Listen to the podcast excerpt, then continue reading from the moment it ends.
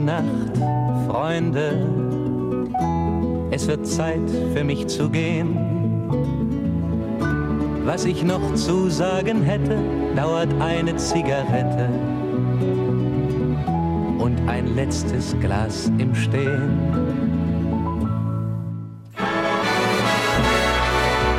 Dit is Het Beste uit het Oog.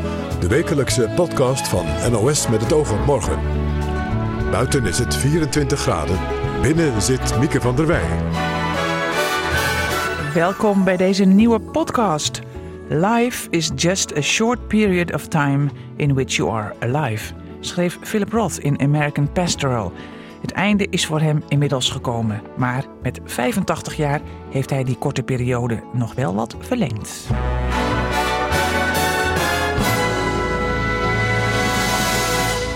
Schrijven is een roeping, vond hij. En als het klaar is, dan is het gewoon klaar.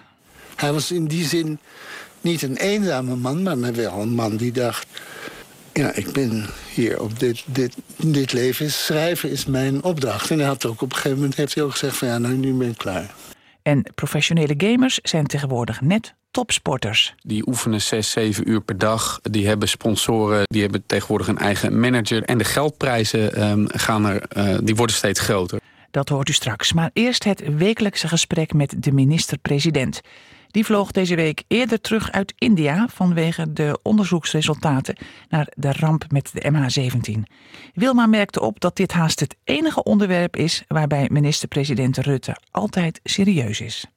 Ja, het is heel lastig van jezelf te zeggen, maar het, het, het, het is natuurlijk een onderwerp wat heel groot is. En ja, ik ben natuurlijk iemand die graag benadrukt wat een mooi land we leven. En, en als de economie goed gaat, dat de economie goed gaat. En mensen aan te moedigen om ook die, de positieve kanten van het leven te zien. En in dit onderwerp zit niets positiefs. Het is, het is, uh, het is één grote, alleen maar negatief. Um, plus uh, dat ik me realiseer, ik ben niet alleen minister-president om te vertellen wat er goed gaat, maar ook degene naar wie wordt, terecht wordt gekeken voor het leiderschap om na zo'n vreselijke ramp dit een goede baan te leiden. En dat, die verantwoordelijkheid voel ik uh, zwaar. Een persoonlijke verantwoordelijkheid?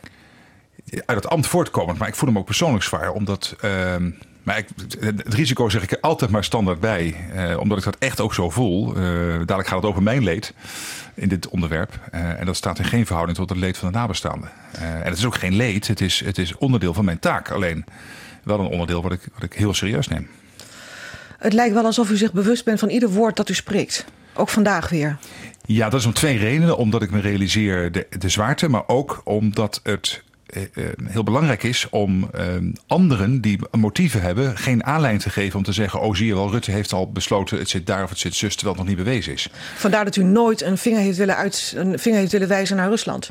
Hoezeer ik daar ook toe werd uitgenodigd door velen in politiek en journalistiek, logisch omdat velen zeiden, joh, je ziet er zelf en dit en dat. En dan zei ik, dat, dat, in mijn baan kan dat niet. Wij moeten vanuit het kabinet uh, volgend zijn op de bevindingen van het strafrechtelijk onderzoek. En als we daar van tevoren iets van vinden, dan kan degene die het mogelijk gedaan heeft, de persoon of het land wat de betrokkenheid heeft, kan zeggen, ja, maar weet je, dat onderzoek is niet onafhankelijk. Want die Rutte, die vond er al iets van, dus die zal wel dat onderzoek gestuurd hebben. Nou, u en ik weten, in Nederland stuur je geen onderzoeken, die zijn onafhankelijk. Uh, maar dat is natuurlijk ook niet overal zo. Dan vier jaar lang voorzichtig geweest, vier jaar lang omzichtige taal gesproken. En dan vandaag knalt het kabinet erin. Wat is er gebeurd?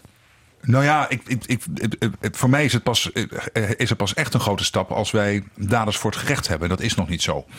Uh, wat wel van belang is, is dat nu is vastgesteld door de onderzoekers van het Openbaar Ministerie en de collega's van de andere landen dat Rusland wel degelijk verantwoordelijkheid draagt.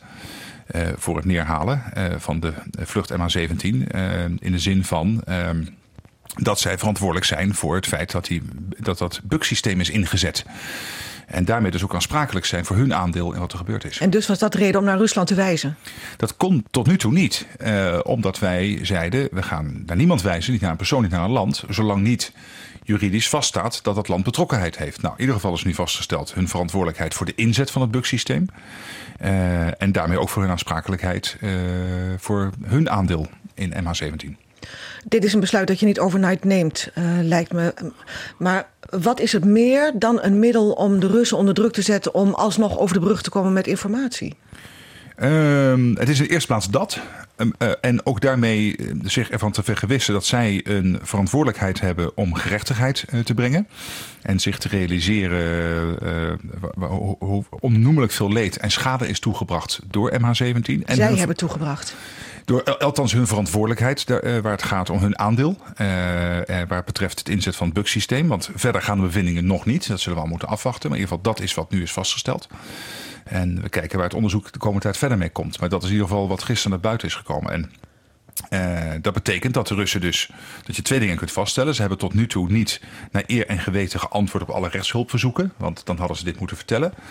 Uh, en ten tweede dat ze dus uh, die aansprakelijkheid dragen voor hun aandeel.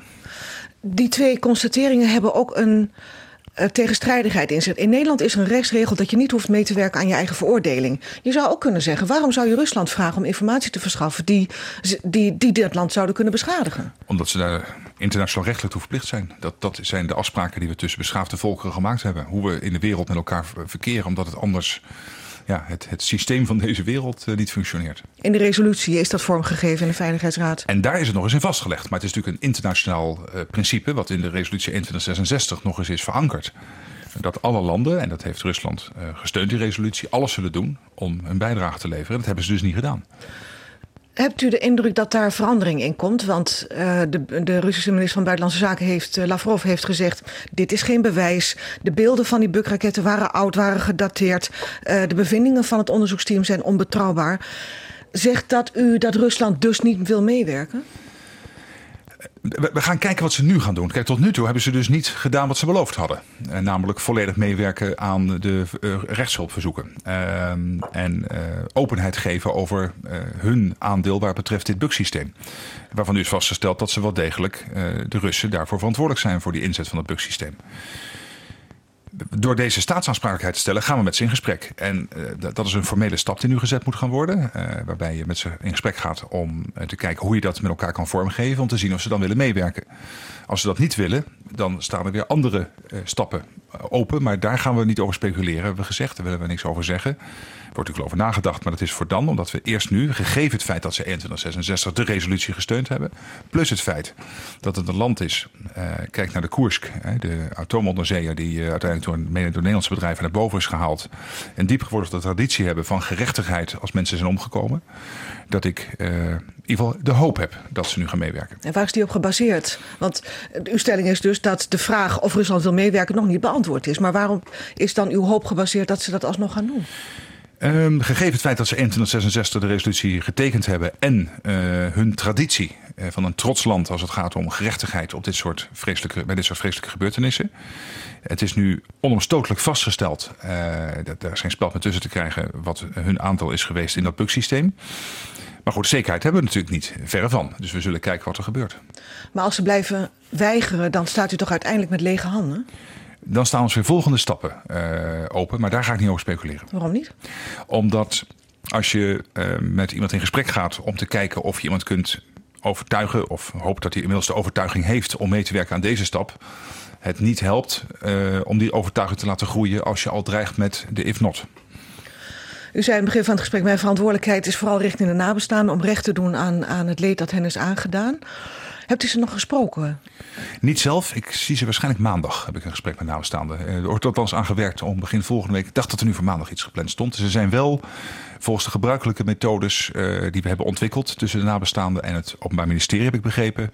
Is er een systeem meestal via de familierechercheurs, maar dat zou je moeten navragen bij het uh, uh, OM, want dat doen zij. In ieder geval vandaag zijn ze ook weer tijdig geïnformeerd voordat we naar buiten gingen.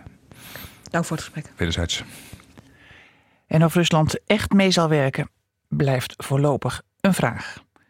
Schrijver Philip Roth overleed afgelopen week. Daarom sprak Herman met cameraman Hans Vels, die samen met Michael Zeeman ooit de eer had om Roth te spreken, terwijl hij absoluut niet van journalisten hield. Herman vroeg hoe Zeeman dit voor elkaar had gekregen. Hij heeft op een gegeven moment. Hij was eigenlijk onder de indruk geraakt. Had Michael ergens ontmoet op een literair congres, geloof ik. En hij was onder de indruk geraakt van Michaels kennis, van zijn oeuvre. En op een gegeven moment heeft hij Michael gewoon een uh, uitnodiging gezegd. Jij mag mij, met mij komen spreken. En toen is Michael en Saskia van Schaik, ik, Menno Euwe, geluidsman... wij zijn naar uh, Amerika toegegaan. En daar bleek eigenlijk dat... Um, ja, inderdaad, Michael zo'n ongelooflijke kennis heeft van zijn werk... dat Ros bijna gefascineerd met hem begon te praten. Een gesprek dat in mijn herinnering inderdaad dagen heeft geduurd. Wat wist u van Philip Roth? Want u ging als cameraman mee. Ja, eh, we moeten een cameraman hebben. Hans Velds, ga mee. Nou, ja, zo, we gaan naar Roth. Ik kende Michael natuurlijk heel goed. Een goede vriend van mij. Saskia. Maar u had natuurlijk niet al die boeken gelezen. Ik had niet al die boeken gelezen, maar Michael Zeeman zou Michael Zeeman niet geweest zijn... als hij de de crew een, eh, een, uh, zware les uh, las. We zaten daar, woonden daar aan de Amstel, kwamen daar bijeen... en kregen een urenlang college van Michael. En ook allemaal een aantal boeken die we moesten lezen. Waarom vond u dat belangrijk? Nou ja, omdat het was natuurlijk een soort, soort samenwerking tussen drie mensen, Michael, Saskia van Schaik... die overigens heel veel van, van uh, de literatuur van, van Ross ook kende. En ik als een soort van team. Van, we beoordeelden de hele tijd het gesprek. En het was een heel interessant gesprek. Ik bedoel, heel vaak is het zo dat je als kamerman op een gegeven moment merk dat je eigenlijk niet meer met de camera alleen bezig bent... maar dat je gewoon aan het luisteren Zo'n gesprek werd het. Ja, het was een heel bijzonder gesprek. Ik weet nog wel dat de eerste zin die hij uitsprak was... I have become a monk of writing. Ik ben een schrijfmonnik geworden. Want dat kon je ook zien in zijn werkkamer. Nee, je, je, dat is een, de, de setting daar is echt fantastisch. Het is in Connecticut upstate New York. Um, hij woont daar in een prachtig bos met uh, uh, erabelen. Ik kan het alleen in het Frans woord. Uh, ahorn, dus de maple leaf bomen. Het was heel erg koud en die bomen die kraken dan door de wind. Um, rechts van hem woonde uh, Saul Bellow, de beroemde schrijver, Nobelprijswinnaar. En links Milos Forman en Philip in het midden. En hij had dan een huis en als je voor dat huis stond naar links... had hij een prachtige, hele, bijna zenachtige houten gebouwtje gemaakt... wat eigenlijk basically leeg was. Behalve er was een tafel, ik denk een soort van open haard... en verder twee lessenaars. En op de ene lessenaar stond een wordprocessor... en de andere lessenaar was echt een lessenaar waar een papier lag en een pen. En hij schreef zijn zinnen. Ik denk op de, voor mijn ogen, de linker lessenaar. Die schreef hij op papier, die schreef hij strek, strekte hij door. Nog En als de zin goed was, dan liep hij 2,5, 3 meter naar de andere lessenaar. En daar stond de woordprocessor. En dan was het... Echt monnikenwerk. Geboren. Ja, echt monnikenwerk. En hij was in die zin niet een eenzame man, maar wel een man die dacht... ja, ik ben hier op dit, dit, dit leven. Schrijven is mijn opdracht. En hij had ook op een gegeven moment heeft hij ook gezegd van... ja, nou, nu ben ik klaar. Waarom, waarom uh, had u af en toe dat u dacht... ja, uh, ik, ik, was met iets bezig hier... maar dit gesprek is zo interessant dat ik eigenlijk bijna vergeet... door mijn lens te kijken?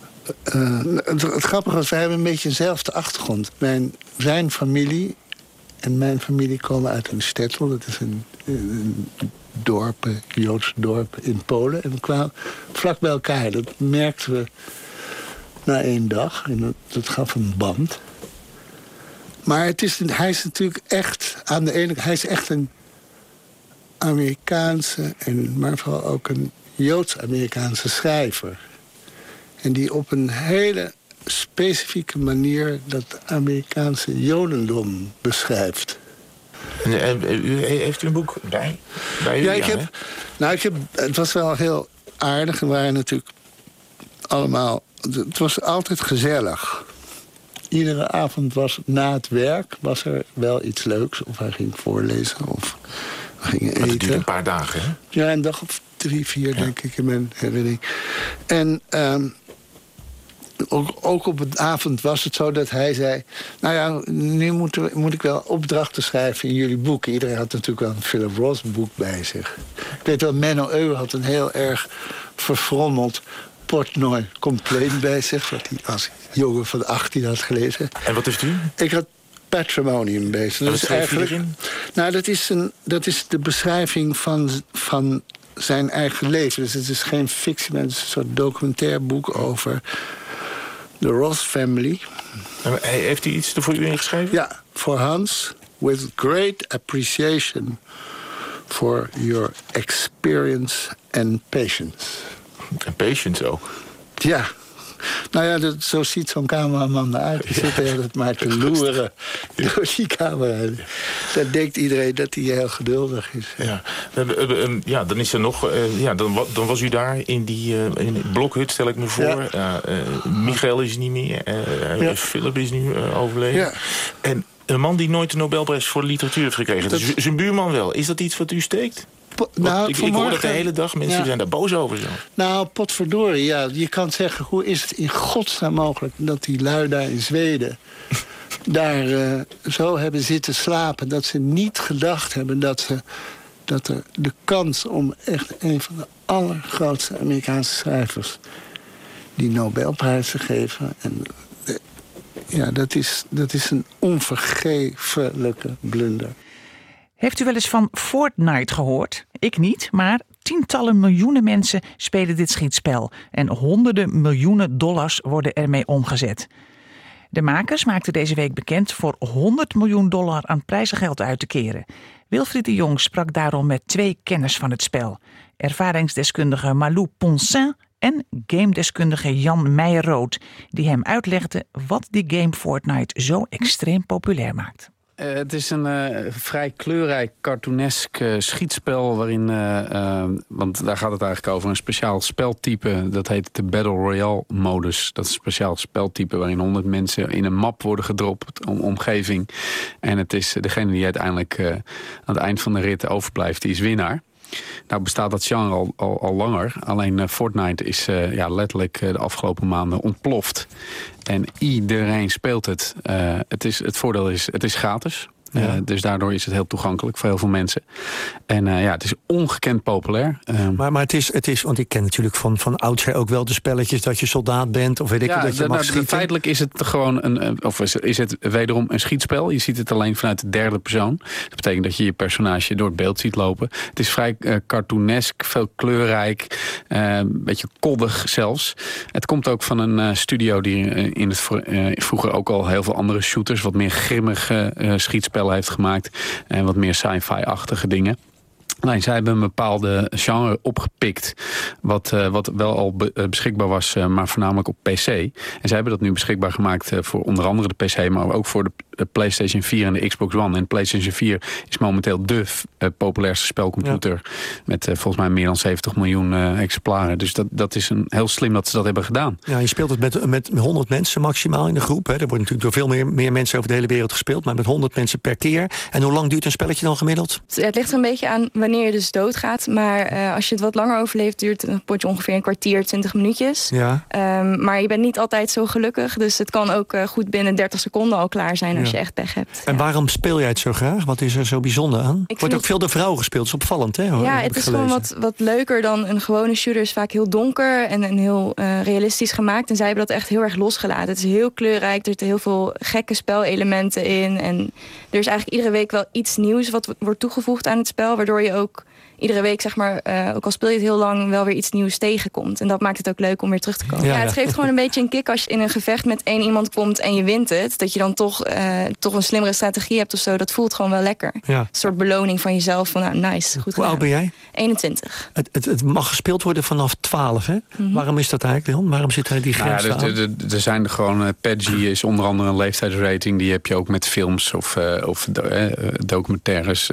maar het is, het is feitelijk gewoon weer, wel weer een beetje het oude politieboefje of cowboytje, indiaantje, hoe je het maar ook wil noemen. Ja, maar wacht even, eh, ik heb een cowboytje gespeeld, maar daar, daar heb ik toch nooit veel geld aan verdiend, kan ik je zeggen. En Marlou liet mij zien dat er een van die, ik weet zijn naam niet meer van die jongen. Ninja, die is een van de populairste streamers. Dus die, die, die verdient eraan. Ja, eigenlijk iedere keer dat hij speelt, hij, hij verdient aan zijn subscribers. Je kan je aanmelden om zijn streams te kunnen volgen. Dat is ongeveer 5 euro per maand. Maar ook donaties en hij heeft ook sponsoren. Dus ik denk dat hij wel goed een aantal tonnen misschien inmiddels wel ja, per jaar zie je ook staan. Hè? Ik zag iets van 20.000 staan vandaag. Ja, dat zijn dan hoeveel mensen op dat moment uh, kijken. Of, uh, ja. ja. dus maar die betalen dus 5 euro om te zien hoe goed hij is in feite. Ja, de, de game als een kijksport uh, is enorm populair de afgelopen jaren. En dat is ook wel leuk, want daardoor... Het, mensen vinden het ook leuk om naar sporten te kijken. En gaming begint gewoon een, een, serieuze sport te worden. En dat is voor een generatie na of, of voor ons eigenlijk bijna niet denkbaar. Maar het is gewoon... Het, het is leuk om je hobby ook door andere professionelen te zien uitgevoerd ja, worden. Nou, ik, ik, ik, ben het, ik ben met je eens dat ik ouder ben dan jij. Dat is wel een goede constatering. Ik heb niet zoveel met die spelletjes, maar kijk, ik noem het een spelletje, maar jij zegt het is een sport. Maar wat, waarom is het sport? Je... Uh, de, de, de mensen die het echt professioneel doen, uh, die dus echt e-sporter zijn, zo je wilt. die, die, die, die trainen in teamverband, die, die oefenen zes, zeven uur per dag. Die hebben sponsoren, die, worden, er wordt ook steeds, die hebben tegenwoordig een eigen manager. Die worden begeleid door een, een team wat hun ook fysiek een beetje en mentaal voorbereidt op dingen. Um, ja, het, is, het wordt steeds serieuzer. En de geldprijzen um, gaan er, die worden steeds groter. Het feit dat Epic nu 100 miljoen of ja, 83... Dat is vandaag, hè, geloof ik, hè? Ja, gisteren hebben ze dat bekendgemaakt. Gisteren, ja. Dat is ongekend. Uh, de, de, Hoeveel zijn... zei je? 100 miljoen dollar. Jij had het over het volgens 83 miljoen euro. Of, ja, ik weet niet. In ieder geval, het is 100 miljoen dollar. Uh, dat is ongekend. Ze gaan dat overigens niet in één keer uitkeren. Ze gaan verschillende toernooien houden, denk ik. Dat de, de, de details zijn nog niet bekend. Mm -hmm. En ze zullen dat op verschillende toernooien... en uh, met verschillende prijzen zullen ze dat uit gaan keren. Maar, maar het is dus een gratis spel, maar, maar heel erg commercieel ook dus. Uh, per maand, zo in de, ik heb het even opgezocht... in de afgelopen maand maart... heeft het spel de makers 223 miljoen omzet opgeleverd. Omdat je met kleine microtransacties andere pakjes mm. kunt kopen. Andere wapens, uh, gekke hoedjes, gekke dansjes. Ja. En, en mensen willen dat allemaal hebben. Dat iedereen een spel speelt en moet hij lekker, lekker zelf weten. Weet je? Maar dat, er dus, dat, dat je allerlei dingen kunt kopen. Als vanaf 12 jaar, als je bent 13, 14 jaar, ja. ben je misschien gevoelig. Dan kan je dus digitale kleertjes kopen. Weet je? Die trek je zelf niet aan, want die zijn alleen maar voor je poppetje. Klopt. En een dansje kun je kopen. Dat kost je 5 of 10 euro. Best wel riskant voor als je, als je kinderen hebt van 13, 14, 15 jaar. Die zijn er gevoelig voor. Die zijn er gevoelig voor. Wat zou je tegen die kinderen... Heb je kinderen zelf? Ik heb zelf kinderen. Wat zou je en, tegen ze zeggen? Nou, mijn oudste die speelt het af en toe, maar die heeft uh, geen creditcard. Dus die kan sowieso niks kopen zonder uh, mijn toestemming. En daarbij is het ook... Um, wat heel belangrijk is, is alles wat je koopt is inderdaad uiterlijke opsmuk. En je wordt er niet beter van of door. Uh, je kunt ook... Um, het spel heeft een in-game valuta, die heet V-Bucks. Die kun je ook verdienen door gewoon maar te spelen. Alleen als jij betaalt, krijg je sneller uh, die V-Bucks. Er zit, zit zeker een tricky component aan. Ja. Um, alleen, het, ja, je moet natuurlijk altijd als ouder, vind ik, een beetje in de gaten houden wat je kroost speelt. En die kinderen heel goed bijbrengen. Dat ze niet als een, als een maloot die dingen moeten gaan kopen. En dat is, maar dat is natuurlijk wel de catch ervan. Het spel is gratis. Het is een beetje paard van Trooien. En vervolgens uh, bieden ze allemaal leuke dingen aan die je ja. wilt kopen. Ja. Hoe, hoe zit het met, met Marlou? Die zit met rode koontjes te luisteren. Want die denkt, ja, ik ben ook al honderden euro's kwijt iedere dag. Of nee, valt nee, nee, dat, dat valt wel mee. Maar ik heb inderdaad wel, uh, in het begin toen ik het ging spelen, dacht ik, nou, daar ga ik echt nooit uh, geld aan uitgeven om zo'n skin te kopen of een dansje te kopen. En inmiddels heb ik inderdaad wel, hoe meer je inderdaad door uh, levels hoger te worden, hoe meer je gratis krijgt, hoe meer je ook denkt, ah, die vind ik eigenlijk ook wel leuk. Misschien ja. dat ik toch wel een keer 5 euro, dat klinkt dan ja. op een gegeven moment als niet zoveel Wat geld. Wat voor kleur heeft jouw pakje eigenlijk? Op dit um, ik heb op dit moment een van de nieuwste skins van een superheld. Maar uh, er is onder andere een roze soort panda beer en ik ben helemaal gek op panda's. Dus als die eenmaal weer terugkomt, dan ga ik daar zeker aan uitgeven. En, en, zou je nou kunnen zeggen dat je, want hoeveel uur zit je, besteed je eraan per dag? Als ik een vrije dag heb, kan ik wel goed uh, acht uur uh, achter elkaar uh, spelen. Als okay. ik die tijd ervoor heb ja. in ieder geval. Als mensen twee biertjes drinken, zeggen ze tegenwoordig, dan ben je alcoholist. ja. misschien ben ik ook wel licht verslaafd. Dat ja, mensen kijken kunnen. ook het de hele weekend Netflix. Hè, en dan kijken ze naar, uh, nou, dat mag nou niet meer, uh, House of Cards. Maar dan kijken ze The Crown. En dan, dan, ben, dan kijken ze een intellectuele serie. En dat binge-watch is het hele weekend er doorheen. En daar ja. hoor je nooit iemand over. Nee. Als mensen gewoon uh, lekker hebben gewerkt en even willen stoom afblazen... en dan lekker op een vrijdag zes uur willen gamen... dan, vinden, dan gaan mensen hun wenkbrauw altijd weer fronsen. Dus, nee hoor, helemaal niet. Ik, ik geniet dus een spel of zijn, nee, maar zijn goed, film. Dat, ik zeg niet dat jij dat zegt, maar dat is wel vaak de, de, ja. de vervreemdende reactie die je krijgt. En ja, het, is gewoon entertainment. En uh, ja, ik zeg ook, als het mooi weer is, moet je lekker buiten gaan spelen. Ik, met de afgelopen dagen, ja, ik moet dan niet aan gamen denken. Maar Jan Meijroos, die weer horen, de gamedeskundige, wacht op de eerste beste regendag. En dan begint hij weer, dan ga, aan, een, weer aan een rondje Fortnite. en dat doet Marlou Poncel. Dankjewel voor de komst. Nou ja, ik hoor het al. Niks voor mij dat Fortnite. Geef mij maar een boek. Pianist Hans Jans had een droom. Alle stationspiano's in Nederland, 16 in totaal, op één dag bespelen. Hij begon s'morgens om 5 uur in Maastricht en eindigde rond half 12 in de avond in Leeuwarden. En daar speelde hij met hulp van zo'n 30 toevallige passanten een ontroerend mooie versie van Goedenacht, Vrienden.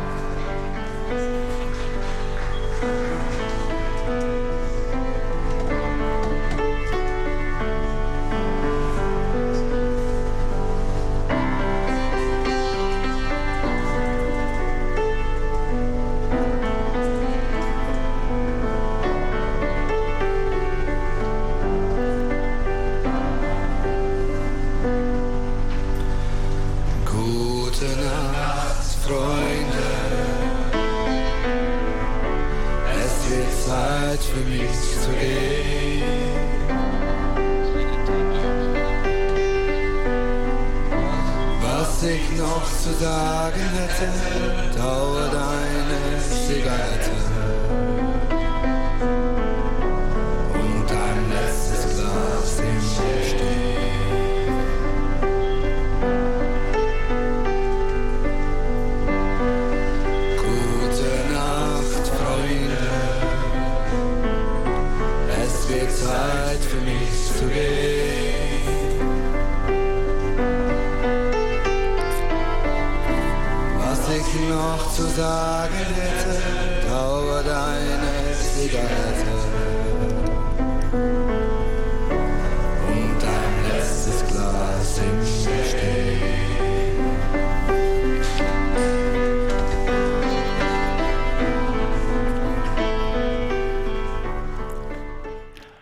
Jansen en het Groot Leeuwarden Passantenkoor. Ik zag ze daar allemaal staan in die stationshal in Leeuwarden. Een prachtige versie inderdaad van onze tune. Hans moest de piano in Enschede helaas overslaan... omdat hij anders zijn aansluiting zou missen. Maar met 15 piano's op één dag had hij toch het record. En dat was een mooi einde toch aan de podcast voor deze week. Bedankt voor het luisteren. Tot volgende week. Dag. Nacht. Freunde, es wird Zeit für mich zu gehen. Was ich noch zu sagen hätte, dauert eine Zigarette und ein letztes Glas im Stehen.